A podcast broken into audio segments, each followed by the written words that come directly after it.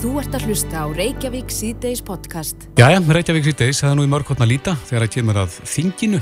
Já, og það hefur svo sem oft verið rætt um klæðaburð þingmanna svona í fjölmjölum og í samfélaginu. Já, En uh, hann Guðmundur Andri hjá samfélkingunni er, að- er að tjá sig á Facebook og, og hann segir að hann sé bólamaður. já, Hann lýsir sjálfum sér sem slíkum.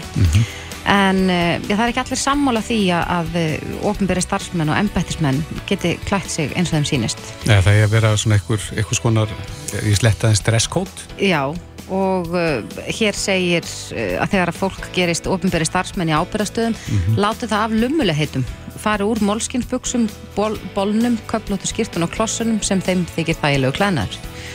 Og þarna er verið að tala um að, að já, það gilda aðeins aðra reglur, að alheims eh, reglum þurfum menn að beigja sig fyrir. Já, það var líka verið talað um það og, og vakti aðtekli þegar eitt þingmað tók upp á því að vera á sokkalistónum í þinginu. Já, það var áhugavert. Fannst það bara þægilega?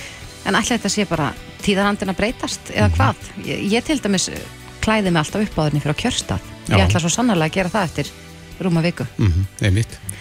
En það er spurning, það er meðal annars vitnað í Dóru Einars inn á vísi.is þar sem að hún tjáði sig, já meðal annars um uh, Guðmund Andra. Dóra er á línunu, kom til sæl. Já, verið, komið í sælablessið. Já, þú ert titluð fatahönnur Íslands og ert uh, búningahönnur. Þú hefur, hefur skoðun á þessu?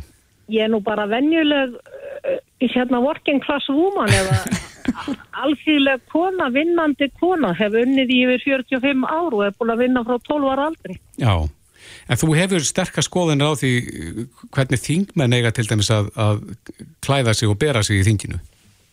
Sko, er það, svo, svo lýsa ég leðrétt þetta hjá ykkur að það, það má ekki, ég var ekki náttúrulega í viðtali neitt á vísir eða hvað þetta heitir eitthvað sem kom í blöðunum sem voruð að nefna það. Nei, Þetta er eitthvað sem þeir hafa bara tekið upp úr spjalli mínu og Guðmundur Andra á Facebook. Mm Guðmundur Andri, ég hef, hef, hef mikið dálæt á honum og hann er í miklu uppáhaldi hjá mig sem rithöfundur, sem persóna, sem þingmaður og sem tónlistarmaður.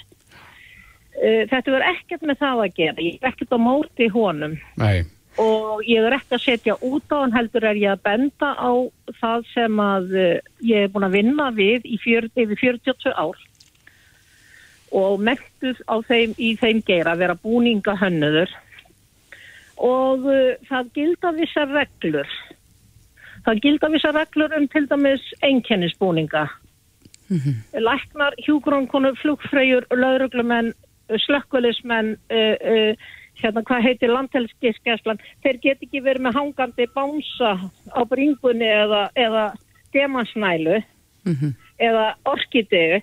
Þeir verða að vera bara í búningnum slétt og fælt og virða það að vera hreinir og snittilegir og í vel bustum skóðaði réttum skófatnaði. Menn sem vinna út á götu og eru bara að vinna að malbygga og í vegafrankandum þeir þurfa að vera í öryggisvestum með hjálma uh, í skóm sem eru með stáltá af öryggisás þegar ég var flugfræða 1972-74 auðvitað langaði mig að vera í hippa mussunni minni og víðu buksunum mínum og plattformskómið En ég var að fara til reglum og ég fór í búningin, í draktina, í húðleituðu sokkaböksnar, í háhælu skóna, eh, nýtti hnút á slæðun og leta hana slettast svona aftur að bak og sett á mig hattin á veskið. Því að það voru reglur í, í, í þeirri stjætt sem ég sótti um vinnu hjá. En Dóra, nú eru ekki eins strángar reglur í það minnsta. Nei, sko, það píndi mig engin, það var engin sem skipaði mér að gerast flugfreyja. Ég sótt um það sjálf og ég varð að fara eftir reglum. Samá við um hjúgrununa fólk og fólki í, í helbriðistja. Þingmenn og stjórnmálmenn, þeir sækja um, þeir sækjast eftir því að setjast á alþingi okkar Íslendinga sem er aðsta aðsta sem sagt með aðstu embættum sko á Íslandi, það er fórsett embætti og svo er alþingi. Fólk þarf að kunna að klæða sig og fara eftir vissum reglum. Það er ekki bara að koma fram fyrir íslensku þjóðina, það er að koma fram fyrir hönd okkar alþýðu Íslands á heimsvísu. Það er tekið eftir okkur út um allan heim. Og þegar fólk er að brúka kjátt eða rífast á alþingi Íslendinga, þá er það komið í fjölmjöla í Danmörku, Svíþjóð, Berlín og í New York eftir fimm minútur. Akkurat, en Dóra, heldur þú að tíðarandin sé að breytast vegna þess að þú minnist hér á, á árin sem þú starfaðir sem flugfræða. Nún er við farin að sjá sko nýja flugfræðu og þjónabúningar hjá, hjá sjálfsögðu. nýju flugfélagi þar sem eru sko stuttarmabólur og stregaskór. Já, já, það er líka allt í lagi. Það bara má alveg vera. Þetta er enga flugfélag, ekki ofinbært flugfélag og þeir með bara haga sínum seglum og breyta um klænað og hafa, hafa þetta léttar og ekki svona stílt eins og er kannski hjá SAS og Æslandes eða, eða, eða Singapore Airlines sem er besta flugfélagi í heimi. En, hver, En en hver á... þeir með að vera frjálslið. En sko málið er það, það, það er sko eins og til þess að, að þingmenn séu vappandi um á sokkalistunum. Uh, sko fyrirgefðu, uh, hvar eru, eiga, þessir menn ekki að vera fyrirmyndir fyrir ungu kynnslóðuna? Eiga þeir ekki að vera fyrirmyndir okkar í íslensku máli og fram, framsögn? eiga þeir ekki að vera fyrirmyndir okkar, við eigum að segja háttvirtur, við eigum að segja hætt, hættvirtur og eigum við að segja háttvirtur og hættvirtur við fólk sem er rópandi, það er með ógreitt hárið, það er liggu við að sé ekki búið, það, það er svo kruppuðum fötum, maður hugsa með sér, býttu var hann á fyllir í ekki, svo var í sófunum í nótt eða hún. En Dóra, hvað er ekki að mörkin að liggja? Það er að segja, eh, á þetta vera bara spurning um stýrt og bindi og, og drakt hjá konum eða? Nei, ég er ekki að tala um það. Konur geta verið í buksnadrakt, þær geta verið í kjólun, þær geta verið í pilsi og skirtu eða blússu. Þær, kallmenn geta verið í jökkum og ég er ekkert að segja eins og til dæmis, mér finnst hann Guðmundur Andri alltaf snirtilugu til fara. Og þú þarft ekkert að vera í kjól og hvítt, ég er ekkert að tala um það, en þú verður að kunna þig, að klæða þig eftir hvar, í hvaða vinnu þú ert. Eh, Það eru til snirtilegi bólir og, og svo fallegur jætti yfir. Já, já, en, en sko bólur passar í síldarvinnsluna og líka bara afgræði í tískuruverslun eða hambúrgarabúlu tómusar, en bólur passar ekki á alþingi Íslendinga. Nei. þú ert í skýrstu og það er til skýrstur ef þú, ef þú vilt ekki hafa binda þegar þér finnst það gamaldags og haflarislegs en ert búin að koma þér í þetta starf sem þú sóttur um sjálfur þá ertu bara í kragalausri fýtt straujaðri skýrstu Já, og það er allt í lagi, þú þarft ekki að vera með þú þarft ekki endilega að vera eins og Halldór Kiljón Laxes með, með fína Nei, og silkiklút í, í vasanum En. Haldur Kiljan Lagsnes, akkur mann allur heimurinn eftir Haldur Kiljan Lagsnes. Það var út að hann var stórkostlegu rítöfundur, en hann var líka heimsmaður hvar sem hann kom. Og ætlu við annað bara í moldarkofunum endalaust, rífast og töðast um einhverja svona smáatur. Við verðum bara, fólk verður að fara eftir reglum. Já, við heyrum það, að klæð- þú þarft að klæða þig snirtilega eftir hvar þú vinnur. Þetta fólk, ég tróð þessu fólk ekki inn á alþingi. nei, en það má Það heyra nennir það að að, að einkennisbúningur alþingismanna er snirtilegu klænar að þínum er, snir, það er snirtilegu klænaður, það er klassísku klænaður og þú mátt ekki vera ábyrrandi, þú mátt ekki vera í æpandi litum, þú átt að vera látlaus, klassískur, einfaldur, þannig að klæðnaðurinn taki ekki í börn þegar þú ert í ræðustól. Að þá að þú og ég og allir hinir sem eru að horfa á þig uh, á alþingisrásinni eða hvað sem er. Þá er á fólk að hlusta á það sem úr að segja en ekki hugsa með að sér æjæ, er permanentið komið helming niður á hárunni, er hún óklift eða ógreitt eða býtu í hverju er hún hún opast er hún krumpuð já. Við heyrum það að þú er sterkast skoðunar á þessu, ert búin að leggja bara ákveðna línu hérna fyrir komandi þing, heyri ég. En Dóra Einars, búningahönnur Íslands, gaman að heyri þér, kæra þætti fyrir spjallið. Já, þakka okkur sömu leiðis, en er það við, við verðum að fara að fara að sætt okkur við að það, það gilda söma reglur eins og Íslendingar hafa aldrei kunnað til dæmis fara í röð, þeir lærða fyrst svona fyrir tíu árum síðan.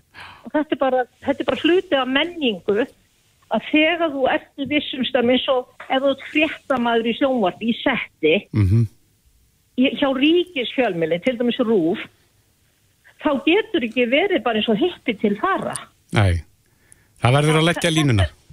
Þetta línan er einfaldleiki klassíst. Það má ekki, útlitið má ekki taka frá málefna, málefninu sem rætt er um. Dóra, gaman að heyrir, takk fyrir þetta. Já, hafa það gott. Bless, bless. Hérna bless. á Evrópu, sól og sól og hiti og logg.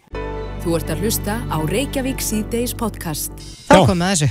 Reykjavík síðdeis heldur áfram og Kristún Frostadóttir uh, hjá samfélningunni, það komið til okkar, velkomin. Fyrir.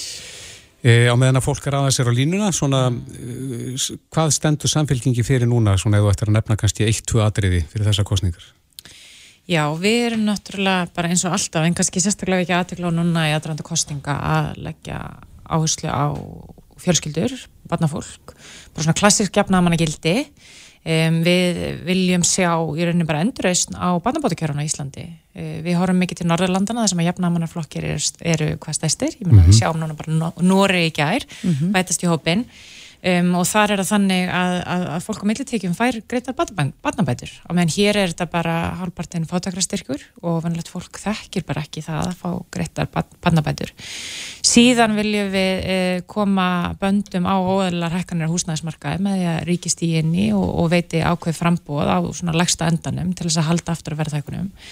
Og þetta eru svona stóru lífskjæramálin svo eru það öryrkjar, eldri borgarar. Við viljum sjá breyta framfæslu þar og við erum með mjög skýrar hugmyndir varandi við getum svo tekjur í, í, í stórgna skatt, hækkunum veðigjaldi e, breytingar á, á hérna, eftirliti með sköttum til að koma veg fyrir skatt undan skot. En Þú nefnir stóregna skatt, Já. hvaða upphæðir eru að tala um þar? Við erum að tala um eignamesta 1% í landinu sem á samkvæmt ofnbjörn tölum um, miðast mörgjum við yfir 203 miljónir króna í reyna eign um, og það sem eru skráðar eignir á þessa einstaklinga er kringum 1000 miljardar. Um, þetta eru þetta bara allt á nafnverði, þetta er, fast, þetta er fastegna, fastegna mati, þetta er ekki markasverð, þetta eru verbrið og skuldabrif á, á nafnverði, þannig að þetta er mikið í raunni vannmatt á meiri sér eignunum. Og hvað vil ég ná miklum peningum af þessu eina prósenti? Það er að segja, hver er þessu upphæðin? Prósentan sem við meða við útreikningum okkar er í kringum 1,5% um, og meðast í rauninni bara við sangjarna, hófsama hérna, prósentu meða við mögulega ávöxtun þessar regna. Því að staðrindin er svo að mesta ógn við, við jöfnu í dag á Íslandi snýr ekki að tekjum heldur að eignum og það snýr ekki að, því að vera taka eignir af fólki, heldur svo staðrinda fólk sem á miklar eignir um, það gefst líka tækifæri þess að ávöxta sitt fyrir á umtalsast herri vöxtum en til dæmis aðrir. Í hagkjöru sem við borgum öll fyrir að standi jafn vel og er í dag og við erum bara aðeins að, kannski bara, hvað ég segja, snýða rétt svo af þeirra ávöxtum til þess að koma í vögg fyrir að eigna ájöfnu við vindu upp á sig, en á sama tíma að færa þó eyrnamerkja þetta fjármagn barnafólki, eldri borgarum og öryrkjum, sem er massin sem að þarf að standa undir samfélaginu. Símanúmerið 567 1111 og hvetjum alla til þess að ringja inn og spyrja Kristrúnu spurninga. Ef ekki bara að sjá hver er hér, góðan dag. Já, góðan dag. Hver er þar? Steinar heiti ég. Sæl Steinar, erst þú með spurningu fyrir Kristrúnu? Já, ég ætla að koma með það spurninga fyrir hana. Það er svo uh, allir held áfram að beita ykkur því að, að taka upp efur á Íslandi og hvernig er verður með húsnæðsmarkað. Nú er þetta kerf voru svo rótið til húsnæðskaupa að fólk er að festast að leigumarkaði en þá hafa efni á borga markvælt hærri leigu heldur en að myndi þurfa að borga í, í til húsnæðskaupa. Munið þið beita ykkur fyrir að laga, laga þetta, þessa, þetta kerfi og breyta þess aðeins. Frábæra spurning. Við byrjum á efrinni. Já, uh, við viljum taka upp efru, en við viljum gera það með gangin í Europasambandið og, og við erum með hérna, skýrt, uh, mjög skýrt í kostningastöfninu ykkur núna, við viljum ganga strax um, í þjóðratkvæðgreislu um framhald viðræðna og okkur finnst bara mjög mikilvægt að við fáum að sjá samning þannig að við veitum hvað við kjósum um. Við erum ennþá mikill Evropasambandsflokkur ég persónlega mikill Evropasambandssinni og sé það sem mikið hagsmana mál fyrir okkar að ganga inn í Evropasambandi, þetta er bæði neytenda mál, þetta er líka mjög mikilvægt fyrir atvinnureikundur, þetta mingar viðskiptakostnað, opnar ákveðna markaði fyrir okkur, en einmitt fyrst og fremst líka út af því að þá fáum við aðgang að myndsamstarfi og fáum stöðning frá Evropska sæðalbankanum til þess að taka upp Evru. Þannig að þið vilja ekki taka einlið upp Evru eða, eða festa gengi krónunar við Evruna? Nei, ég til það ekki verið skynsalegt að við förum þá leið að í rauninni taka upp fast gengi án stöðnings frá Európa-samtunu vegna þess að það, það er líka mikið áláð á kerfinu sem fælst í því að festa gengi. Það var ástæði fyrir því að við hurfum frá því á sínum tíma þegar við göngum inn í EES vegna þess að, að það þarf mikið forða til þess að bakka það upp. Auðvitað erum við mikið eldursforða í dag en ég held að það sé bara miklu farsalega að við tökum bara alvarlega umræðu um Európa-sambandið. Við klárum það mál og við tökum upp Evru í kjálfarið til þess að fókusin verði það á það frekar en að, að taka upp einhlega mynd og þá getum við alltaf ítt Evropasambandinu í burtu frá okkur. Mm. Þannig að það er alveg grundvallega fórsenda. Og þá var það húsnæðiskerfið? Húsnæðiskerfið, já, við erum með mjög skýra stefnu þetta, um þetta í samfélkingunni og þetta er mér mikið hjartans mál, ég fjalla mikið um þetta áhrif af húsnæðismarkanu á bara efnarslífi í heilsinni, þetta snýst ekki bara um fjölskyldaður og einstaklinga heldur er þetta bara einn stæsta rót efnarslegs óstöðuleika á Íslandi. Meni, við sjáum að þriðjungur af verbulgu í dag er vegna fastegnumverðshækana þetta lekur líka út í laun vegna þess að þetta er mikið er svo myndaði hvað hefur að gerast á fastegnumarkaði sem er að, að, hérna, mikil aukning á fjármagni, eh, lánsfjármagni hefur þrýst verulega upp eh, húsnæsverði og fyrir svona um aldar fjórðungi þá var það þannig að ríki var miklu virkara á fastegnumarkaði. Við vorum bara með almennlegt félagslegt kerfi. Um, í dag er þetta orði eh, svona eitthvað neikvægt orð að tala um félagslega sín á húsnæðiskerfinu sem er í rauninni fáranlegt vegna þess að húsnæði yfir höfuð er bara félagslegt skilur. Þetta er algjör grunnþörf hjá fólki og þá var það þannig að ríki stutti fyrst og fremst við húsnæðismarkaði með því að niðugreða byggingakostnað, um, vera ákveðin svona akkari á frambóðsliðinni og vera í samstarfi við félög sem er byggðu, verkamannabústæðinir á sínum tíma til að mynda. Síðan var farin svo leið um, í kringum 1998 að leggja niður eiginlega að mestu leiti hérna, félagsbústæðikerfið þó eitthvað hafi setið eftir. Og nú er það þannig að um 6% af fasteirmarkanum er Eh, félagslegt húsnæði, þetta getur líka verið stúdenda íbúðir, íbúðir fyrir eldra fólk.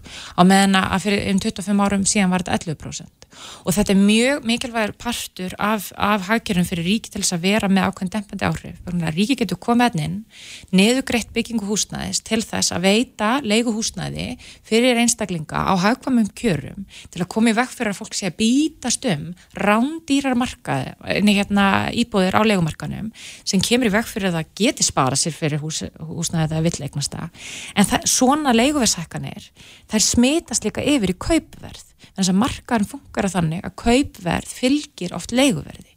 Þannig að við viljum sjá ríkið stíga þarna inn í samvinni við til að mynda verkefliðsfélögin og, og önnur um, félög sem að reka og hagnaða drifin hérna e, e, fastinafélög og, og, og leggja fram fjárframlög til þess að steyðja við almenna íbúðakerfið og halda þannig aftur þessum hækkunum. Við erum ekki að fara að taka verið allan markaðin, við erum ekki að koma í vögt frá fólk geti keift sér, mm -hmm. við erum bara að skapa rýma markaðnum fyrir fólk til þess að geta búið í fallegu, örugu mhm. húsnæði á högstum kjörum og þetta er líka gott högstjónumál, þetta er ekki bara réttleitismál eins og þessi einstaklingur að steina var að minnast á, þetta er gott, góð högstjórn vegna þess að þetta er stór hlutur af verbulgu og óstöðuleika hér í landinu. Mm -hmm. Og uh, margir sem býða. Já, og hver er hér góðan daginn? Guðbjörn heitir hann. Sælverstu Guðbjörn, er þú með spurningu? E, já, ég er með allavega eina spurningu, en fyrst vil ég fá að segja að stefna ykkar, eða okkar, samfélkingamanna, er einhvað að klikka því við erum ekki að tikka í skoðanakonun. E, Badnabætur, badnabóta kerfið hefur sínt síðan gegnum árun að er mislukkað. Það er verið að taka á reynuvarsunum og setja í annað og ég trúi því ekki að ég ætlaði að fara út í þessa villisu. Mér langar að spurja aftur á móti afsakið varðandi ellilífyristega þessi, þetta rugg sem er í gangi með krónuskerðingun og allt að kæftadi hvernig reyðu við að fá að njóta þess sem við stemdum að þegar við stofnaðu lífyrirsjóðana. Mm -hmm. Það er að segja að við fáum peningan út úr lífyrirsjóðunum og verðum ekki skert, skertir af tryggingastofnun til þess að bæta okkur upp hvað þeir eru með lágar tekjur í gegnum lífeyrissjóðana. Mm -hmm. Það skerðist ekki það sem að tryggingastofnum borgar. Mm -hmm. Takk fyrir þetta Guðbjörn. Já, ég vil bara benda Guðbjörni á nýjastu könnun sem var að koma frá maskin í dag þar sem að samfélkingin er að mælast með tæf 15% þannig að þetta er bara allt að koma hjá okkur Guðbjörn. Um, já, ég veit ekki hvað ég segja varandi batnabætuðnar, ég menna við höfum bara mikla trú á þessu, þetta er svo stefnaði sem hefur til dæmis verið reygin á Norrannlöndunum í kringum okkar. Og við heyrum nú heldur betur hérna af ánáðu íslendingar sem koma frá Norðurlöndunum eftir að hafa verið þar til að mynda með börn. Ég menna þetta er bara mjög dýr tími í lífi fólks um, og, og hérna jafnaðamenn, þeir trúa á því að við borgum inn í kerfun okkar og svo fáum við mismikið borga eftir, eftir því við stöndum í lífinu, hvað sem mikið við, við þurfum en líka við göngum gegnum tímabil sem eru fjárháslega þingri nannur. Þetta er líka spurning um hagstöldnamál til lengri tíma, það er öldrun þjóðar í gangi og við megum ekki við því að fólk seti fjárhásækju fyrir sig sem ástæðulega eignast ekki börn. Mm -hmm. Þannig að þetta er líka bara góð fjárfesting. Um, ég veit að fólk vil ekki tala um börn sem vinnandi hendur framtíðarinn en staðrindin er hins vegar svo, skilja, að við getum ekki um, við getum ekki reykið samfélagi hér til lengri tíma talandi um ellilífyrstega ef við verum ekki með fólk á vinnumarkaði. Þannig að þessi aðgerð okkar á barnabótarleginni, hún spilar mjög vel með aðgerðum okkar sem snúa ellilífyrstegum og við erum einmitt með mjög fastmótaðar tillögur þegar kemur að um, eldri borgurum vegna þess að ég skil bara mjög vel sem að Guðbjörn er að segja. Um, það hafa lengi vel verið lofvörð um hinn og þessar breytingar á almannatryggingakerfinu. Um, en það hefur því hefur ekki verið fyllt eftir. Það eru þessar skerðingar Það eru þessar skerðingar Hvaða tillögur hafið þið? Það tillögur sem við höfum er að, er að sko, við erum með, hvað ég segja um, markmið á kjörtímbilinu sem við viljum vinna í átta að það er svona langtíma markmið sem er að við viljum sjá að, greiðslur hérna, almannatryggingar verði ekki lægur en legstu laun. Og við viljum líka að, að hérna, frítíkjumark lífeyrsgreiðslega verði fjórfalda til að mynda. Við erum hins vegar meðvituð um það og mér finnst það skipta máli að segja að þetta kostar mikið pening og við þurfum að, að, að vera hreinskilum hvað við getum lofað að gera strax áður en að við getum sagt, sótt nægt fjármagn og, og vaksið út úr þeirra aðstöðu sem við erum núna í dag. Og þess vegna lofum við því núna í haust að við munum strax hækka greiðslar almanantrygginga um 25.000 krónur. Við munum tvöfalda frítíkumarkið þegar kemur að lífyrsjósgreiðslum og líka þegar kemur að atvinnumtekjum og þetta sem við getum gert strax í stað fyrir að lopa í arminu okkur eitthvað sem er í framtíðinni. En þetta er okkar svona alvörgefna skref með að segja við erum búin að finna fjármagn fyrir þessu á tekjuhliðinni. Þessar aðgerðir með hérna, breytingu líka á örarku skerðingunum það er einar og sér kostaði kringum 13 miljardar krónum um, þetta er gífurlega mikil peningur þannig að, að hérna, við þurfum að taka í mjög alvarlega hvernig tekjuhliðin á þessu er. Mm -hmm. Einn spurningi við vorum bara örstutt Það voru Þú talar um þessi að búin að finna peninga. Já. Eh, bankakerfið. Uh mhm. -huh. Þessi gífurlegi hagnaður uh mhm. -huh. af bankakerfinu. Eh, farið nú að fullum kraft út í að taka þannan ósvinna út.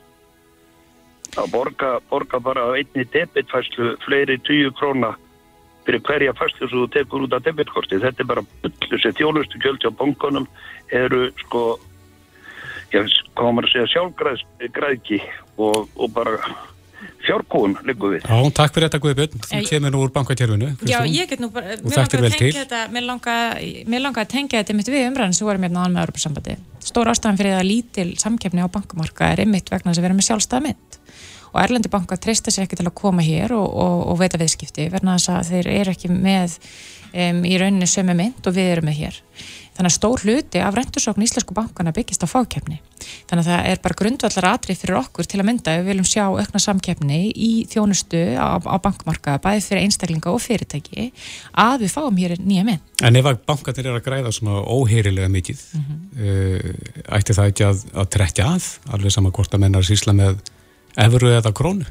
Vandin er auðvitað bara með Ísland er að við erum svo óskaplega lítill þannig að, að, að sko startkostnaður með að koma sér hingað inn er auðvitað mikill um, ef að þú þart síðan að hafa fyrir því að, að sko með sænskan eða danskan eða norska banka vera síðan með sér deilt sem sér bara um íslensku krónunar þannig að við erum auðvitað bara lítil í alþjóðlu samingi en þetta er bara fákjöfnismál á íslensku markaði og þetta er vanda, vandin sem fylgir því að vera lí, uh, hvað, hvað ég segja, lítil þjóð með, með sérstæði mynd um, En viljið þið skatleitja bankana meira?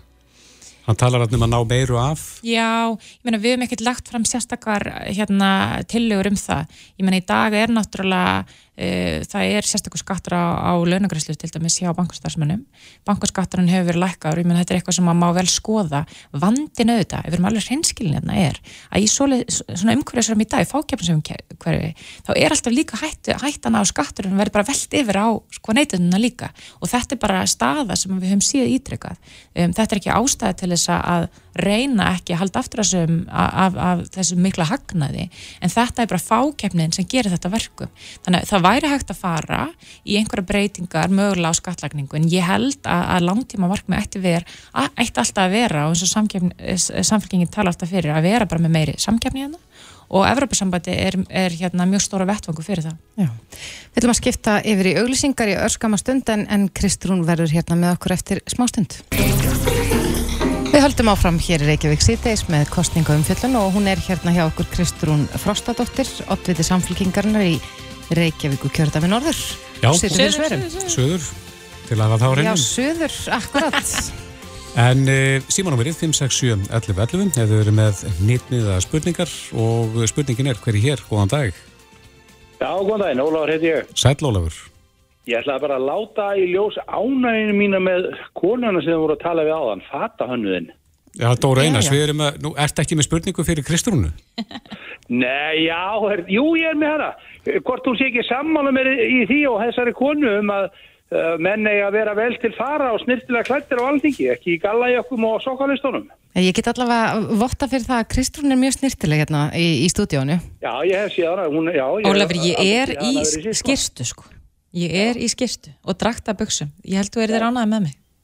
Ég ekki um það. Ég er ánaði með til fara. En e, þetta er náttúrulega virðinga alþingis, þetta er partur af því virðingalessi sem almennt ríkir hurið í, af því að þeir sem þar sitja, hafa setið, hafa brotið marga reglur í þessu til Já. dæmis. Herðu, við ætlum að halda fram að taka á móti spurningu fyrir Kristónu og samfélkinguna. Takk fyrir þetta, Ólafur. Um. Ef að þið setjum kvótan á marka þess að þú hefði þið tala um, mm. Hver, hel, hver er heldur að mæti fyrstir með feitustu butturnar á uppbóðin? Já, já, ég veit hvort að fara með þetta. Ég meina, við hefum talað fyrir því að það þurfi að prófa sér áfram í þessum málum og við erum ekkert að fara að prófa okkur áfram með að henda öllum kvótamarka í einum. Það er mjög forgansatrið hjá okkur núna strax í haust og við förum í því í þrepaskipt veðgjald um, og, og ég meina við erum að sjá að veðgjaldi skilaði í fyrra minna en tópaksgjaldið á Íslandi og ég hef sagt á fleiri stöðum, ég meina hver reykir í dag eins og snusið, það er ekki tópaksgjaldin sko. Veist, það er ekkert að fá stútur þessu í dag. Þannig að það liggur alveg fyrir það þarf ég meina auðlenda hann hefur verið með 30-70 miljardar og, og, og, og útgerðin borgaði fyrir 5 miljardar um, sko, einhver starf á milli þarf þetta að vera varandi að setja kvóta á markað. Ég meina, við erum hlindi í að, að það veri farin svo leið að skoða að fá markasverð fyrir þetta, ég meina, ég held að skipt bara mjög miklu máli að fá betri mælikvarða á hverju öðlendarendan er. Um, hins vegar liggur það alveg fyrir þetta verður ekkert gert bara strax í haust og öll verður kasta á marka við þurfum að prófa okkur áfram. Þetta er bara partur af framþráðum kervisins en við þurfum að passa upp á það að hafa ekki neikvæðar félagslegar afleðingar ég meina, ef við myndum lenda aftur í svipum til dæmis félagslegum afleðingum við gerðum þegar kvotakerfi var uppalega sett á þá væri þetta auðvitað bara tilgangsleis aðgerð en það er hægt að fara í breytingar á kerfinu með því að vera með e, vendarvæng annar staðar, ég menna til þess er pólitíkin að snúa að félagslega hliðinni. Þannig að Ólafur, ég bara, hérna, þú getur alveg treyst því að ég myndi aldrei standa fyrir því að við í samfélkingunni að, að kvótum færa markað og, og, og hérna, það væri bara ríkustu aðalina sem getur keipt sinni. Þá væri þetta bara tilgangsleis aðgerð. Já, og þá er það bara næsta lína. Góðan dag. Já, góðan dag. Hver er maðurinn? Valur heiti ég. Fyrir til... Valur heiti ég. Valur, sæl. Valur með því. Já, hver er spurningin? Mér langar að spyrja Kristrúnu varðandi fjármæstingurskap. Uh, Samverkingi talar um að þurfa að hækka fjármæstingurskap. Uh, ég skilst að þú eitthvað hafraði með þetta, þannig að ég mér langar til að spyrja þig hvort þið getur útskipt fyrir þjóðinni, bunin og raunávörðun og nafnávörðun og ástæðinu fyrir því að, að prósent af fjármæstingurskap er lærri heldur en uh, til dæmis að tekja skatt einstaklingum. Uh, þar sem 80% af innistæður bankana sem fólk á einu böngunum er áherslu að minna heldur en verðmúltan er og þannig að þetta verða engin tekjumyndun af, af egninni er eða þetta hækka skatt á, á slíkum mm. slíkum böndum Já, takk fyrir þetta Falur Sko, um, í dag, já, erum við með fjármæstekjaskatt sem er annarslags en, en tekjaskattur. Um, það hefur oft verið miða við, þegar við tölum um 22% fjármæstekjaskatt, þá snýst þetta ekki bara um 22%, það er oft talað um að það er líka fyrirtækjaskattur og fyrirtækjaskattur pluss síðan fjármæstekjaskattur myndar saman það sem er tekjaskattur. Þannig að þú þarfst að greiða fyrsta fjármægninu og svo greiður það út. Um, og Nor á Norðurlandunum í kringum okkur þá er það þannig að þessi tvö skattrepp saman, fyrirtækjaskattur og, og fjármæstekjaskattur þau eru ígildi hæsta þreppsins, tekjaskattsþreppsins um, hér á landi er það ekki þannig um, það er sem sagt hérna, samtalaðis að tvekja hérna, skattsþrepa er lægri en hæsta þreppsins Um, munur á nafnvöxtun og á raunavöxtun eins og valur komið rétt alveg inn á er þetta svo að, að hérna að það er út með 5% vexti og það er 3% verðbólka þá ertu bara að fá 2% í raunavöxtun. Og það er auðvitað alveg rétt að, að hérna einstæri á böngum í dag eru að fá mjög lága vexti hins vegar, það, það er 20 í fyrsta er þannig að það er frítíkumark á fjármæstekjum í dag. Um, e, mér langar að segja þessi 300.000 ég held að það sé rétt hjá mér e, sem að þýðir að það vort með 300.000 að borgar ekkert í fjármæstekjuskatt Um, og, og fjármæstekjaskattur meður auðvitað líka fyrst og fremst á þá sem eru með mun herri mitt uppæðir þá en það. Og þá ertu oft, þá ertu ekki að fá sko sem er vextu, þú ert að fá hérna debitkortareikninginni skilji, þú ert að fá hérna ávöxtun á, sem munar miklu meira en það en það sem er bara einu hefðbundu minnstæðum hins vegar er það reyndar þannig að samfélkingin er einmitt ekki að tala fyrir hækkun á fjármæstekjaskatti, hún er að tala fyrir hækkun á stóregnaskatti og munurinn á eignaskatti, stóregnaskatti og fjármakstekjuskatti er svo að þú ert að borga af höfustólnum frekar en ávöxtun. Þannig að eins og svo að þú eigir 100 krónur í dag uh, ef, að, ef að við erum að meða við svona cirka 20% fjármakstekjuskatt þá mundir þú bor, borga 2 krónur á hverju 10% ávöxtun sem þú fengir. Átt 100 kall þú fær 10% afvöxtun, þú borgar að því 2 krónur. Eignaskattur er þess aðlis að ef það væri 20% eignaskattur, sem við erum ekki verið að setja á, skiljum við erum farið að setja 1,5% eignaskatt, þá ertu að borga 20% af höfustólum, ekki afvöxtun. Og grundallar munurinn þar er að í, í stóregnaskatti þá borgaru óháð því hver ávöxtunum þín er. Þannig að ef að þú ert til dæmis að gera mikið með fjármagnið þitt, þú ert að stopna fyrirtæki, þú ert að stunda arbara fjárfestingu, þú tekur sem áhættu með fjármagnið þitt, um, þá þarfst þú ekki að borga hlutalslega meira fyrir það áhættutöku, þú borgar bara af stopninum, en einhver sem er í áhættulisum fjárfestingum, borga sama þú. Nú erum margir sér eitthvað stóru og hugsa, herðu, hvað með elli lífur minn, þú veist, ég er ekki áhættu sem fjárfestingum Stóregnaskatts hugmyndin okkar, hún meða við 200 miljónir króna í reyna eign og ég held að, að hérna fólk Þannig að þið vilja að fólk borgi egnaskatt af steinsteipunni líka? Sko af steinsteipunni í þeim skilningi að sko já ef þú finnir hús á fastegna vegna vísist til dæmis sem að er yfir 200 miljónir fastegnamat mm -hmm. þá mhm. bara skal ég kaupa hann það er pítsu sko. Það, veist, það er ekki mörg hús sem eru með það hátt fastegnamat. Mm -hmm. Þetta eru, þetta, þú, það, þú finnir það varðla. Þetta á ekki við lífeyristekjur Skilu, þetta á bara við hreina eign og þetta er á miðast við efstægina prosti. Þannig að við höfum viljað fara þá leið að skatleggja stóregnir frekar hann að hækka fjármæstekjaskattin vegna þess að hérna, það, það gerir greina með ná í hvað fjármægnið er að fara hverju sinni Um, en þetta er ígildi þess að vera með fjárværstekjuskatt en þetta er bara svona skilverkar leið. Þetta er svolítið flókið að útskýra hérna á þrema mínundum í útvarpi. Mm -hmm. en Valur ég veit munin á raunagstun og nafnagstun ég átti mig á því að það, þú ert ekki að fá mikið fyrir peningin inn á bankabókinni. En þessi skattlegning sem við erum að tala um miðast við miklu herri ávöxtunar upp að er venilega Já, og við komumst ekki lengra í dag Nei, með flýgur. þetta Kristrún Frostadóttir, oddviti samfélgjengarnar í Reykjavík Söður. Takk kærlega fyrir kominu. Takk fyrir mig. Þetta er Reykjavík C-Days podcast. Jæja, góðir hálsar. Við þurfum að fá forskrift af lífinu, þessu daglega, frá sóttarnar yfirvöldum og, og jú, stjórnmálum líka þessa dagana og, og það þarf nú ekki að fara mörgum orðum um það að það gætir óþreyju mjög víða eh, hvað er, hvað eru þessar reglur og hvað má og hvað má ekki, hvað er æskilegt og hvað er ekki æskilegt. Þetta er óneitanlega svolítið rugglingslegt en við búum við þetta og þetta er kannski síðasta e, forskriftin af lífinu sem ég kalla það þegar að Sandi Sáastóttir e, í sambráði við Sótarnar yfirvöld og Ríkistjórn e, leggur okkur línutnar svolítið um lífið. Það er að segja með hlýðsjóna COVID. En Áslu Arna Sigurbjörnsdóttir, uh, þú ert kannski ekki endilega dansand á sömu línu, þar að segja nú eru við komnir með uh, 500 metra í, já, í hólfi á samkomum og 1500 ef við vísum, framvísum raðprófi eða ef ég skilir þetta rétt ekki, ég, er, ég er svolítið rugglaður í þessu.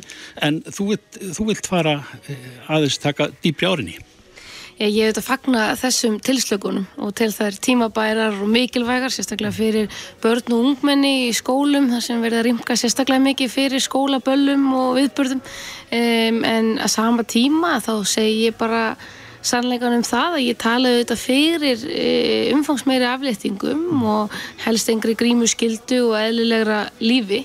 Um, mínu mati kalla bara staðan svo sem uppi er núna ekki á svona íþingjandi aðgerðir. Þú, þú, þér vefst sjálfur tungum tönn hversu flóknar þar eru og hvað gildir hverju sinni og, og veltir samt líka upp hversu lengi þetta mun vara. Uh, við hefum oft talið að við værum í seinustu döðu tegjunum á COVID-tjómbili nú er þetta orðið 19 mánuður og samkvæmt okkur færu sérfræðingum að þá er COVID ekki að fara neitt næstu mánuðin og jafnvel árin. Og þá þurfum við að horfa á hvað eigum við að fórna miklu og hversu mikið getur við sjálf bara uh, byggt á svona okkar persónulegu sótvörnum. Mm. Hvar í, í samfélaginu, hvar á mannamótum eða uh, svona myndir þú vilja létta af þar að segja þannig reyndar uh, búið að lengja opna tíma veitingastafa inn í, í tilskipun dagsins en, en er það allstaðar sem þú vilt afléttingu? Já, ég tala bara nokkuð almennt um þetta um, og tel að við þurfum bara að slá tónin um frjál samfélag. Mm. Er, er það bara staðan þá að uh, með veirunni séum við bara að lifa í takmörkunum til lengri tíma uh, og hvert er þá viðmiðið til að losna við takmörkunarnar? Er það smitt tölur, eins og nú var það bólusetningin og það er það sem önnulönd hafa miða við. Um, við vildum síðan grýpa inn í um, til að sjá hvernig veikindi voru að leggjast í bólusetta Um, við hefum eftir spítalan þannig að ég, maður veldir svolítið fyrir sér, er það þetta þá einhverja svona takmarkanir sem gilda til lengri tíma eða hversi viðmið til að losna við þar mm. og ég held að það sé bara mikilvægt sjónamið ég er ekki að segja, við stundum þessar tilugur, uh, til það mikilvægar en ég vil líka komast í þessa umræðu og hefur þetta lengi gert.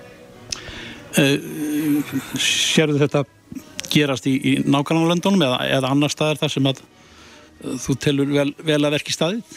Já, við erum að sjá bara löndinni kringum okkur, Danmörk og Breitland sem eru búin að aflita um, og ég er ekki að gera lítið úr veirunni með því að ræða þetta svona. Við erum orðin bólusett þjóð mm. og síðan horfum við til Noregs og Finnland sem eru þá með markmiðum bólusettinga og ætla þá að aflita öllu. Mm. Markmið sem við erum auðvitað búin að ná. Mm. Þannig að sama tíma þá er auðvitað veiran ekki hættu laus og ég, ég gerir mér e, grein fyrir því að hluti geta síðan breyst og staðan e, breyst eins og við höfum bara orðið vittnar síðustu mánuði en á sama tíma þá hljótu við að þurfa þá að kannski sleppa hraðar og metastöðuna bara hverju sinni. Mm -hmm. Þú nefndir e, smáfólkið, skólana og, mm -hmm. og það sem upp er í þeim efnum. Það er svona einhvern veginn það á því sviðinu sem maður, sem maður er kannski uggandi. Já og ég hef verið að heimsækja mikið af framhalskólum og hitti krakkana sem eru mörg búin að vera í framhalskóla og annað þriðja ár og hafa varla farið á framhalskólaball, félagslífið í algjörum mólum, uh, þekkingin til að standa fyrir viðburðum og félagslífi er uh, í algjörum hérna, minni, minni hátta líka og ég hef bara áhyggjur af geð heilsu þeirra, mm. uh, ég hef áhyggjur af þeir, hvað þau kunna bara félagsfærni þeirra og svo framvegis mm. og námsframvinda auðvitað að sama tap Sami, saman skapi. Við sjáum að veiran leggst minna á börn og ungmenni um, og það eru auðvitað gengur vel að bólusetta hér mm. og við þurfum auðvitað bara alltaf að taka stöðun og taka inn í myndina fleiri þætti og hvaða áhrifanar þessi takmarkanar hafa á, á líf barna og ungmenna og, og annara hér á landi. Það er einn hlutur sem að vefst fyrir fólki svo ég týnir nú til annað fólk sem er svona eins og ég hvar má og hvar á að vera með og þú hefur líka röglast í rýminu með, með grímuna mm -hmm. hvar má og hvar ekki mm -hmm. hvar er æskilegt, hvar er óæskilegt mm -hmm. þetta er svolítið áreiki Já, og ég skil bara fólk rugglist á þessu, ég, eins og þú segir, ég hef gert það sjálf. Uh, ég til bara við þurfum að komast á þann stað að fólk velji að verja sig sjálft. Og það sé algjörlega sjálfsagt að fólk velji að verja sig sjálft en geti ákveðið það að ef þú hérna, vilt ekki nota hana og manneskja sem er að þjóna þér, þjónust á þig uh, segir það ekki nöðsynlegt eða annað, þá getur þið komist að sam eiginlega niðurst um það. Ég vil líka, hérna, finnst þetta líka afar íþingjandi að sjá þetta í skólum landsins. Og ég held að við, þetta sé svona eitt af þeim aðtöðum sem er svolítið, við erum með langmestu grímuskildun á Norðurlöndunum og uh, þetta sé eitt af svona þeim aðaltakmörkunum sem mér finnst að blasi við að uh, létta á næst. Er þetta síðasta, uh, síðasti kap- kaplinn í afléttingu eða breytingum á reglum frá Þorólfi og Ránundinu um, fyrir kostningar? Um, þessi reglugjör gildir uh, já, fram yfir kostningar þannig að um, það er líklegt. Uh, svo veitum við ekki hvað gerist eftir það. En það sem ég bara að kalla eftir uh, og segja frá er bara uh, að me, við erum alltaf að segja alltaf að lifa með verunni fyrir mér er það ekki með í, takmörkunum í, í hérna tíu mánuða heldur í frálsarsamfélagi og að geta þá freka bröðs við með snarpari hætti og beint tilmælum til fólks í staðin fyrir íþingjandi reglum. Áslu Arna Sigurbjörnsdóttir, takk fyrir og gott gengi. Takk fyrir. Reykjavík síðdeis á Bilginni podcast. Reykjavík sýttis á bylginu heldur áfram. Í gær rættu við við Birgi Olgersson, fréttamann stöðvar 2 um rauðagerðismálið sem að, eh, er fyrir hérastómi núna, aðal með fyrir því máli og um, málið hjælt áfram í dag og vissulega voru við með staðnum sem er hinga komin, Hallgeru Kolbrún e. Jónsdóttir, kom til sæl. Sælblessuð. Ja, þetta var dagur 2 í, í aðal meðferð málsins, um, hvað, hvað var verið að fara yfir í dag? Í dag var uh, hérna ekka Armandós Þóranna Helga Gunnarsdóttir, hún kom fyrir, hún byrjaði daginn uh, og lísti þessu kvöldi fyrir okkur. Um, hún sagt lísti hvernig hún hafði bara verið heima með drengnum þeirra og, og hérna farin að sofa uh, og Armandó var sagt í vinnu hann um kvöldið. Um, og hún vaknar upp þannig við mikinn skell sem hún heyrir fyrir utan og, og hugsa bara með sér að, að Armando sé komin heim svo heyrir hún í, í hérna uh, nágrann sínum eða sambilismanni bróður síns sem að þeir búa á neðri hæð húsins hann hleypur upp stegan og kallar á hann að ringja á sjúkrabíl.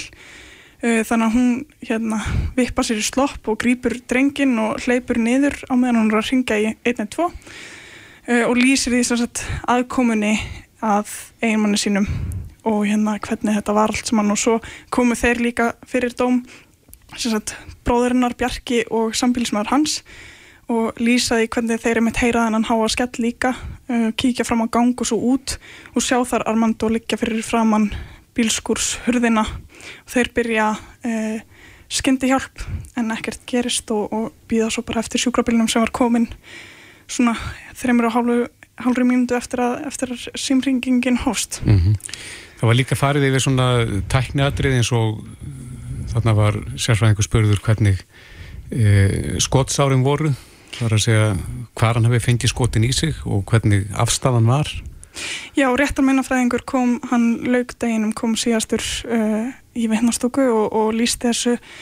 Og þetta voru nýju skotsár, uh, tvö í höfuð og tvö í bak og nokkur út um uh, búkin, um búkin allan uh, og hann sagt leiti að því líkum, gæt samt ekki fullir það en hann leiti að því líkum að hann hafi verið sagt, skotin fyrst í, í bakið og, og vinstri hlið líkamanns og hafi í rauninni dáið við þau skot uh, áður en hann var síðan skotin í höfuðið og hann sagt segir þarna í, í dómsal að það hafa allt bent til þess að hann hafi verið látin Armando áður en hann var skotin í höfuðið. Já.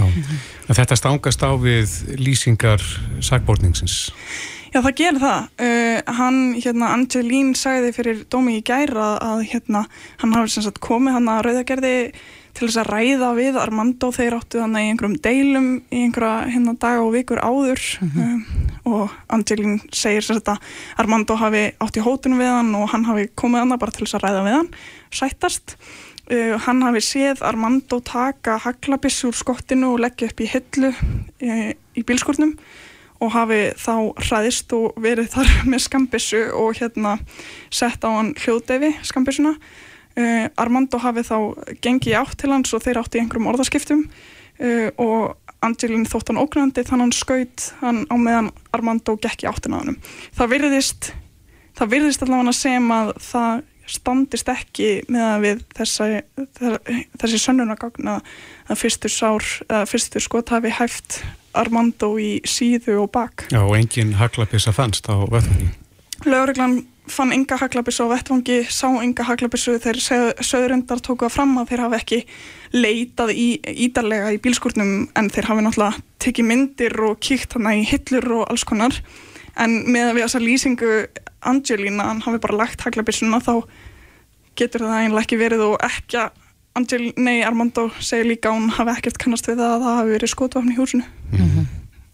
En þarna kom líka fyrir dóm uh, sérfræðingur í að vinna myndefni fyrir dómin, uh, Almar Þór Ingarsson og, og hann í raun og veru aðstóðaði við að, að búa til ákveðina tímalinur það ekki í kringum ferðir sakvarting? Jú, hann vinnur sagt, uh, í samstarfið lauruglu við það að hann færi myndefni í hendurnar og, og setur það saman, klippir saman í myndband til þess að sína mitt tímalínu Það, til að byrja með, það, það var setni hluti myndbandsins, fyrir hlutin var síndri gæri, ég veit ekkert hvað kom fram þá, en hérna í eh, þessum setni hluta þá sjáum við þess að sakborningana fjóra, hvernig þeir eru hann á rauður á stík, eh, hérna Armando Vinnur vann þar, um, við eru hérna Klátja er að fylgjast þar með honum viðist vera uh, og hérna Angelín og Spetím, þeir eru hann eitthvað að keira um og svo halda þau heldur hérna Armando heim og Angelín er þegar farin þangað heim til hans í rauðagerði.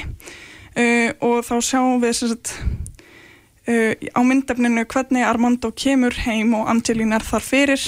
Ar Armando kemur heim og það líða þannig að 57 sekundur frá því að Armando uh, gengur út úr bílskurnum og þanga til að Angelín og Spetim keira í burtu.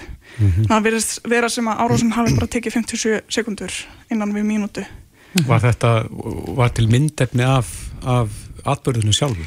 Nei, ekki af atbyrðunum sjálfum. Það er þannig að myndavel hinum einu við göttuna sem að snýr í átt að uh, FIT tónlistarskólanum mm -hmm. uh, og er í rauninni beint að ingangi skólans og maður sér sagt, endur speklun ljósa í glugganum. Mm -hmm. uh, og hann var sannsett búin að taka saman þessi sérfæðingur um, maður sér þannig að bílinn keira og leggja uh, við bílskúrin svo sér maður ljós frá bílskúrs hérna opnara einhver, einhver hérna, ljós af honum. Mm -hmm. og hann er leiðrað líkum að þetta hafi bara verið hann einan við mínunda sem að leið. Þannig enn á ný sanna eftirlýsmyndi vel að gildi sitt við rannsók svona mála. Svo verður þetta verið allavega. En Hallgerður, þú verður áfram í, í réttarsal næstu dag að það eh, stendur til að, að, að eh, þetta mál verði, að aðalmeðferðin verði fram á fymtudag, ekki satt? Jú, vitnaleðislur verða fram á fymtudag allavega mm -hmm. og hérna á morgun verður nokkur stór dagur uh, Anton Kristinn sem að var handekinn í kjálfariðin síðan sleft lausum, hann mun koma fyrir dóm aftur á morgun og, og fleiri vitni til dæmis bróðir uh, Armandos mun líka mæta hann á mm -hmm. lýsa sinni reynslu. Já, við fylgjumst áfram með þessu. Hallgerður Kolbrún er Jónsdóttir, frettamæðarstöð 2. Takk kærlega fyrir komuna. Takk fyrir. Reykjavík síðdeis á bylginni. Jæja, Reykjavík síðdeis heldur áfram. Þættinu berast nú bref annarslegið mm -hmm. í bóskassan og uh, það var eitt slíkt sem við fengum hérna fyrir stemstu og, og hér segir, góðan dag, Reykjavík síðdeis, þegar við gerðnan spyrja fulltrúa tryggingafélagana hvers vegna ef að viðskiptafinnar á til dæmis eitt bíl og tvö eða fleiri móturhjól mm -hmm. að hann fyrir að borga slísatrýtingu ökumanns sem er langt dýræsti kostnæðilirinn fyrir hvert faratæki því það er nokkuð ljóst að fólk ekkur bara einu faratæki í einu. Væri ekki eðlilegast að selja viðskiptafinnum sér ökumannstýtingu ef við komandi á fleiri en eitt ökutæki Þetta er spurningin. Þetta er spurningin. Og til þess að svara henni uh, er á línunni Sigurún A. Þorstinsdóttir, sérfræðingur í forvörnum hjá Vís. Kom til sæl, Sigurún. Sælverði. Já, þetta er, er uh, fáum þessa spurningu senda, það sem að, að vissulega liggur í augum uppi, að maður getur einungis ekkið einu aukutæki í einu. Uh, hver, hver eru raukinn fyrir því að greiða þurfi þessar treykingar per aukutæki? Þannig er það nú bara í aukutækja umfra lögunum og lögum um aukvöldtækja tryggingar að það er skilt að það sé slísatryggingu aukumanns og eiganda og þar inni er bara það gildir sömu ein, ein guðkvort að um er að ræða eigandabílsins eða einhvern annan aukumann og þess vegna er þetta fyrirkomulag hér á landi með þessum hætti. Mm. Lögin bara að segja svona á þetta að vera. Þannig að þið eru bundin eh, af lögunum, getur ekki haft aðurvísi? Nei, nei. En e, rökin að bak við þetta, hann kemur hérna með ágættis punkt, þessi fyrirspyrjandi? Já, og, og þannig úst, til dæmis hvað varða bílana, þá er náttúrulega á mörgum stöðum mjög margir sem aka einum á sama bílinu, það eru hjón og börnverða og, og það er verið að lána bílinn kannski og það framtu göttanum og uh, þar að leiðandi hefur þetta verið á sínu tíma sett í lög uh, út frá þessu en ég veit á í sumum öðrum löndum að þá er þetta með öðrum hætti að þar uh, eru tryggingarna þannig að þú ert engungu einn aðili sem er ert að aga bílnum og kvittar upp á það og ert á að borga önnur yðgjöld og þannig er það til dæmis uh, í tengslu við bifjólinn hér á landi að þá höfum við búið upp á það að ef að þú sem eigandi hjólsins uh, hakar fyrir það að þú akir bifjólinu og það er reynda þannig að líka maki má aga því að þá er borgarulagri yðgjöld en það hefur ekki verið tekið yfir bílana. Við höfum farið svolítið kannski aðra leið á viss, við höfum farið þá leið fyrir þennan hópa bjóða upp á, meðal annars þennan hópa bjóða upp á aukuvísi þar sem að fólk er að aga, nei borga yðgjöld í takt við þar sem það eigur hvernig og hversu mikið það eigur bílum. Mm -hmm. Akkurat, en uh, þannig að, að þetta eru bara reglurnar sem að eru visslega byggður á lögum og, og uh, ekkert sem að bendir til þess að þessu verið breytt? Allavega veit ég við ekki til þess að það er eitthvað sem að standi til að, að breyta því og, og svona hefur þetta verið, uh, já, ég veit svo sem ekki hversu lengi en, en hérna það við erum bara bundin af aukvöntækja tryggingum umfara lögunum og reglugerðum um, um þessa hluti og, og, og hérna breytum þeim ekki og þetta hefur til dæmis uh, verið fjallað um þetta á hjá hérna, úrskurðanendi vátryggingamálum og, og, og það var bara sama svarið þar mm -hmm. inni að það, það var ekkert hægt að hafa þetta með einhverjum öðrum hætti bara því að regluverkið okkar segir að svona skal þetta vera. Akkurat, en þú talar um að, að fólk geti skrifað undir já, plagg þess efnis að enginn muni aka sko móturhjóli annar en eigandin. Já. Er ekkert að gera slíkt því sama með bíla? Ef, ef til dæmis um að ræða einstæðinga sem að já, munu aldrei lána bílinn sinn? Nei, við, það, það er ekki í aukutækjunum að minnstakosti ekki hjá okkur í vís. En við fórum aðra leið þar vegna þess að svona, bifjólun er svolítið öðruvísi að því að það er kannski, er þetta ekki að aga bifjólunu í kannski nokkra mánuði og er svo að fara aftur á vori og fólk eru óörugt og berðandi göttunum og það bara síndi sem mjög stert í slísatölum hjá okkur að stærstu og alvarlegustu og flestu slísin voru í tengslu við það þegar fólk var að lána hjóli sín og þess að það tóku þetta þar inn.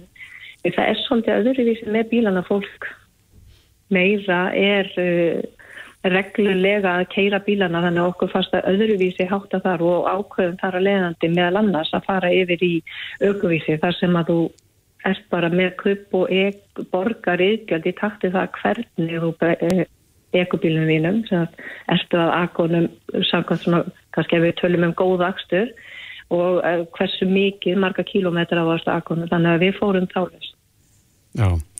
Og sem er alveg að skila því að við, við erum alveg að sjá það í tölum hjá okkur að, að hérna fólk er að bæta aksturinn sinn þegar þeir að fylgjast með honum og, og sjá hvernig það ekkur og, og það er bara mjög jákvægt og, og við, þetta er náttúrulega svolítið nýtt e, nýtt trygging hjá okkur þannig að við erum kannski ekki farin að sjá slísatölur en þá þarna að þeim fækki og það þarf alltaf einhverja meira en kannski einhverja að fá mánuði til að sjást þáfróun. En vonandi eru við að sjá þáfróun þar líka. Það væri bara algjör snild ef að það er því. Það er það sem okkar, okkar hugustendur af því að við erum bara samfarum að, að það er það sem að gerist. En segir hún, hann nefnir þarna að þessi ábyrgartrykking aukumans sé langt dýrasti kostnæðilíðurinn. Hva, hvað er hann stór partur af heldar upphæðinni? Er sko, það sem kemur á móti sko, þessi slísatrygging eiganda og, og ökumars að, að þetta er náttúrulega svo trygging sem er að taka á líkams meðslum einstaklingarna þannig að það er mikla mun stærri upp að er en kaskotryggingi þegar fólk er með hana og fólk getur líka náttúrulega valið það hvort það vill. Og ef þú ert á gömlum bíl þá ertu ekkert endilega með kasko þannig að margir eru eina tryggingi sem þeir eru að, að hérna, borga er þessi lögbóna aukotækja trygging og, og hérna sem að innibir slísin og, og hérna og tjón sem á veldur öðrum aðila sem stekja á tínum eigin bíl Já. þannig að það er hjá mörgum er það alfarið tryggingin af því að fólk er ekki með kaskói eða það e, ég fórum ekki að fara með það hvað er í prósentum versus það þegar að hérna aukutæki annars aðeins versus lísin ég fórum ekki alveg að fara með það Nei. Sigruna Þósnesdóttir sérfræðingur í forverðnum hjá Vís Takk fyrir svörin Takk sem að leiðis Reykjavík síðdeis á Bilginni podcast Reykjavík síðdeis á Bilginni heldur áfram. Í morgun byrtist fréttin á stundinni. Þar eh, segir frá konu sem hafi kynst manni á 50 aldri og átt með honum ástarfundi í þrýgang. Áður nú komst að því að maðurinn veri smitaðar af HVV og uh, kemur fram í fréttina að maðurinn vissi af því en upplýsti hana ekki um það. Og var ekki að taka veiru bælandi lif Nei. En hún kerði málið til lauruglu, held ég alveg laurugla í mars árið 2020 og eh, samkvæmt þessum fréttum að eh, þá hefur þetta mál leið í rúmt ár hjá ákjærusviði Mhm. og býður þar afgreðslu. Það er spurning eh, hvernig á þessu stendur að þetta mál sé ekki komið lengra. Hulda Elsa Björgvinsdóttir er sviðstjóri ákjæri sviðst lauruglunar höfuborgarsæðin og staðgengill lauruglustjóran. Kom til sæl. Já, komið sæl. Já, það er margir sem að spyrja sig hva, hva, hvernig stendur á þessum seinagangi. Já, það, það er akkurat málið. Þetta er kannski ekki seinagangur. Við reynum að, að flýta með þeirra mála eins og við getum.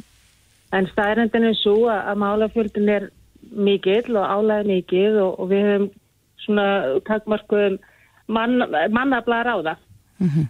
Uh, það er, ég get ekki tjáð með alveg efnislega um þetta mál en svona almennt að þá hefur, þá sjáum við það að, að það er dráttur á ákveðnum málum hjá okkur sem eru til dæmis þeirra sem eru ábyrgsbrúta deil vegna umfangsmikila mála sem voru þær í rannsók, til dæmis eins og rauðegjarinsmáli og þannig að það svona markar þá vantar að þetta mál sem, að, sem er verið að spura um hérna.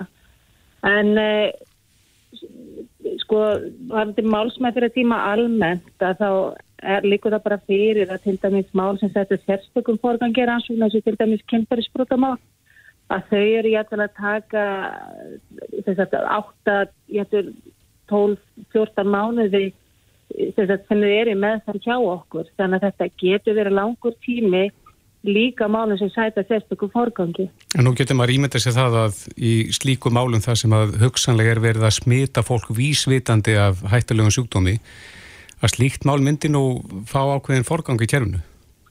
Sko ef það væri hætta til staðar að þá náttúrulega gengur maður, gengum en ekki lausir. Við myndum sjá að gera ráðstæðinu hvað það varðar. En teljið og... ekki að hætta að sitja staðar í þessu tiltakna máli? Eins og ég segi, ég get ekki tjáð meðmislega um, um einstakar mál en get þá að mistu kosti leift mér að fullera það að ef við sæjum eitthvað hætti til staðar um að menn var að smita menn, þá myndum við grípa til rástafana. Mm -hmm. En Hulda, nú hefur já, oft verið rætt um að, að, að það vantar mannskap og það vantar fjármagn. Hefur verið kallað eftir því að, að það verði hægt að auka við mannskapin til þess að já, þetta drægist ekki á langin eins og, og raunber vitni? Já, við hefum verið svo sem er líka góðið sambandi við, við ráðnettið og upplýstum stöðu mála og málsmeð fyrir tíma og, og hugmyndur okkur um hvað þetta er að gera. Og við höfum líka greipið til svona verkefna, það er umbætur, vera að stýta verkverðla og, og gera allt það sem okkar valdi sendur til einhvern veginn að, að greiða fyrir afgriðslu mála og, og reyna að sjá möguleikana bara í því einhvern veginn að hraða afgriðslu þeirra. En hérna einhverjum tímapunkti að það komist ekki lengra en að sjálfsögðu þeir sem líða fyrir þetta eru brotaþólar og sakvartningar og aðstæðendur og, og, og það er náttúrulega kannski það, það nagar en hérna miða við það, þau, sem sagt, úrræði og það sem við höfum að þá reynum að gera okkur besta. Hvað rættu mörkin að litja svona með, eins og segi, sakbortninga og, og brota þóla í huga? Hv- Hversu eh, lengi má svona rannsókn, eh, hversu langan tíma má hún taka? Sko, það sem við höfum séð er að það sem kannski skiptir mestu máli er að fólk viti, fá svona vita svona fyrirfram að þetta mun taka þennan tíma eða eitthvað svolítið, hafi eitthvað svona ramma í huga og hérna við getum ekki lofað afgjörsla því síðan bara koma kannski önnur mál sem eru aðkallandi og þá þurfum við að nota kannski allt okkar tiltaka fólk til að, til að ráðast í, í þau stóru verkefni og þá býður annar á meðan. Þannig að við erum stöðut að forgámsræða og, og endur skoða allt hjá okkur. Já, en að maður mætti láta sér dreyma, hver, hver væri svona óska staðana? Að, að, það hefur líklegast áður verið já, minna álag og þetta kemur eflust í bylgjum eins og margt annað. En, en hver er svona drauma staðan ykkar hvað varðar rannsókn sakamála? Draumastaðan væri náttúrulega svo að við getum sett okkur einhver viðmið og staði við þau. En við höfum ekki getað gert það en erum samt sem maður að vinna í því. En hérna, að því að við raun og veru höfum bara svolítið þurft að einhvern veginn að, að taka einn dag í einu. En hérna, varandi með svona mála þá væri kannski ekkit óerlegt að svona mál væri lokið bara líka bara sem sagt, í rannsókn og dómstigi bara innan eitthvað svona 8-12 mánada. En, en, en á þess, á þess að ég sé eitthvað að reyna að festa eitthvað tölur hérna, en, en það var æskilegt að reyna að klára svona mál á, á, á eins og ég segja, á 6-12 mánuðum. En þetta, þetta strandar þó oftast á, á já, bæði mannskap og, og fjármagni. Já, það, við höfum bara, bara ákveðin úræði og hérna mannabla og við þurfum bara að spila sem best við getum úr því sem við höfum. En er mannaflinn sveigjanlegur innan ennbættisins? Það sé að Já. færa menn til og er það gert? Já, mannaflin er svegilegur og, og við höfum algjörlega gripið til ráðstafana þegar áþara að handa í þessum stóru málum. Já, er eitthvað stórmál núna í gangi sem er að tefja önnur mál? Ekki akkurat þessu stundina. Æ, þannig að þetta ætti að vera nokkuð greitt núna. Já, við, að, við notum alltaf svigrúmin eins og við getum sko. Já. Hulda Elsa Björgvinsdóttir, sviðstjóri ákjæri sviðs lauruglunar á höfuborgarsæðinu og staðgengill lauruglustjóra. Kæra þakki fyrir þetta. Ég hafa lítið. Hlustaðu hvena sem er á Reykjavík C-Days podcast. Má ég kaupa léttvín á í netverslund og kaupa það kannski í Fraklandi eða, eða einhver staðar Eh, það var ekki fyrir mörgum mánuðum og misserum sem að áhorsmál á þessu tægi kom, kom upp þar að segja maður nokkur uh, flutti inn vín og, og taldi sig ekki vera með neinar hindranir á veginu minn á íslenskan markað með léttvín í því tilviki og, og uppbókst þá eh, svona þetta vanalega þref sem að maður heyrir af það er að segja eh, á, á tíaferð þeir verja sig og, og Óláfi Steffensen hefur verið öllu talsmaður uh, félagsatvinnureikenda í, í, í, í þessum efnum þar að segja þessi óskiljanlega í frumskóur að markmiðinu er er einhvern veginn, ma- maður gleymir þess alltaf aftur og, og það situr við því sama en getur þú svara spurningum minni þessari fyrstu? Já, við getum ekki dregið neina aðra álíktun en að fólk megi kaupa sér vín á netinu. Það gerir það. Það eru starfræktar hér bæði innlendar vefverslanir með áfengi og verslanir sem að, sem að hérna, eh, sem sagt eru með kennitölu í öðru ríkjum, annars vegar í, í til dæmis í Fraklandi og hins vegar í Bretlandi. Allar eiga samt sameinlegt að afhenda áfengið úr eh, vöruhúsum hér á landi. Þannig að varan er kannski bara komin til neytandans einhverjum klukkutímum eftir að hann keifti stjórnvöld hafa ekkert aðhafst í þessu og það er ekki hægt að draga aðra álíktun af því en að, að uh, þau telji aðtæðið löglegt. Á móti kemur hins vegar eins og þú nefndir að áfengis og tóbaksverslun ríkisins gengur mjög hart fram uh, gagvart uh, þessum netverslunum. Uh, bæði hótar og gerir alvör úr að kæra þær til bæði löggæslu og skatta yfirvalda og það, sem að það, þetta hefur valdið mörgum félagsmönnum hjá, hjá uh, okkur uh, sem eru í til dæmis innflutningi og framleiðslu áfengis og jafnvel bara í einhverjum öðrum bransan er að velta því fyrir sér að, fara út í uh, þessi viðskipti mm. valdið þeim miklum heilabrótum og, og, og, og efasendum og óvissu af því að sko já, annars vegar hérna, er starfseminn látin ótalinn uh, jafnvel ráð þeirra lýsa því yfir að, net, þeir sjá ekki annað en að netversnin sé lögleg og hún sé bara frábær uh, viðbót við viðskiptaðankurðið á sama tíma gengur þessu ofnbæra stopnum svona hart fram. Og við höfum gert í reyni þá sjálfsögðu kröfu til stjórnsýslunar og hún svar því bara með óvíkjandi hætti uh, að þetta sé löguleg starfsemi og að fyrirtæki þurfi ekki að gera ráð fyrir einhverjum afleðingum frá, af því að fara inn á þennan markað og það gengur einkennilega illa að, fá svar við sendum fjármálaráðanetinu erindi 9. ágúst báðum um svarinn að tvekja veikna, það var ekki komið þannig að vera ítrekkum erindið 27. ágúst er erindið áframsend á dónsmálaráðanetið og þar likur það enn og ekkert, ekkert svar kemur mm.